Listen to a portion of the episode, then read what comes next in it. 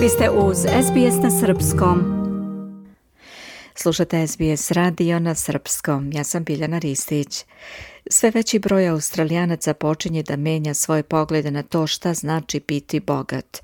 Mnogi sada bogatstvom smatraju finansijsku slobodu koja im omogućava da se bave onim što im predstavlja lično zadovoljstvo i da podržavaju ljude do kojih im je stalo – Ta percepcija slobode je diametralno suprotna percepciji prethodnih generacija koje su smatrale da se bogatstvo definiše posjedovanjem kuće.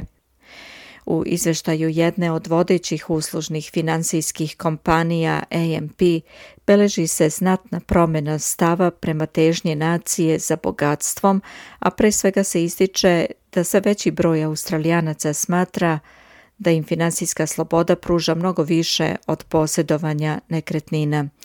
Novi izveštaj AMP kompanije i vodećeg demografa Bernarda Salta oslanja se na niz demografskih podataka i analizira ključne pravce društvenih razvoja u posljednjih 50 ili više godina – Gospodin Salt kaže da su se razvili potpuno drugačiji stavovi. Here is one of the ways in which attitudes to wealth has changed. It's softened from the from the dominance of home ownership. Jedan od načina na koji se promenio stav prema bogatstvu jeste da više nije dominantno mišljenje da vlasništvo nad kućom i drugi izvori bogatstva poput penzionih fondova ili investicija znače bogatstvo, kaže on. Kako troškovi života nastavljaju da rastu u Australiji, problemi kao što su pristupačnost stanovanja postaju značajan faktor koji utiče na vlasništvo nad kućama širom nacije. Do sada se pristupačnost stanovanja smatrala problemom koji pogađa milione australijanaca širom zemlje, ali demograf Bernard Salt kaže da se vremena menjaju.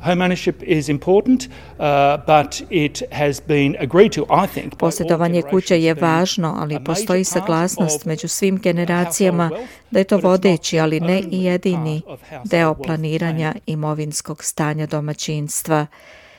Generalna direktorka uslužne finansijske kompanije AMP Alexis George kaže da posjedovanje kuće nije više važno Australijancima. Home ownership used to be probably one of the most primary forms of wealth. People still want home ownership, still really important to them. Posjedovanje kuće je nekada bilo verovatno jedan od najprimarnijih oblika bogatstva.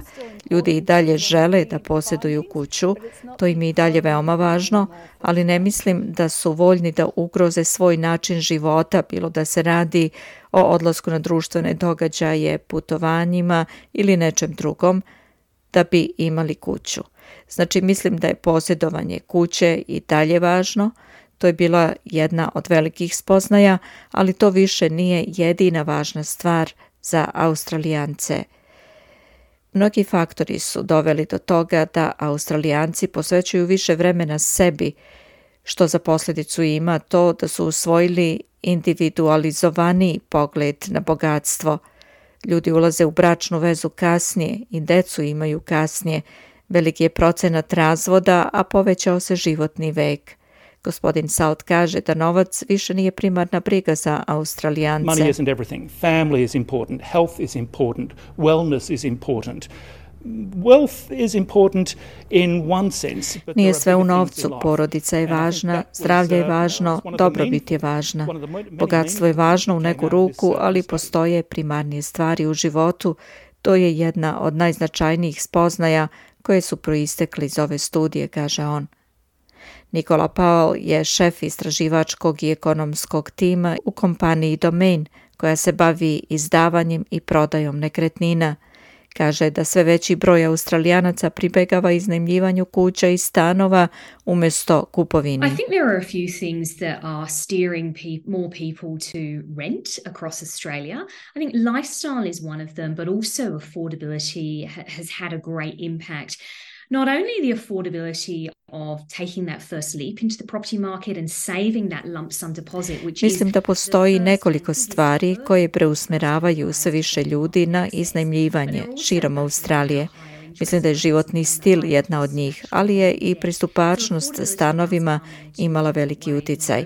Ne samo pristupačnost kupovine, prve nekretnine i uštede tog paušalnog depozita, koji je prva i najveća prepreka za one koji kupuju prvu kuću, sada se suočavaju i sa višim kamatnim stopama i višim troškovima stvarnog održavanja duga. Kaže Nikola Paul, šef istraživačkog i ekonomskog tima u kompaniji Domain. Piše Ayman Bagdadi za SBS News. Ja sam Biljana Ristić.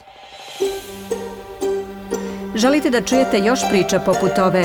Slušajte nas na Apple Podcast, Google Podcast, Spotify ili odakle god slušate podcast.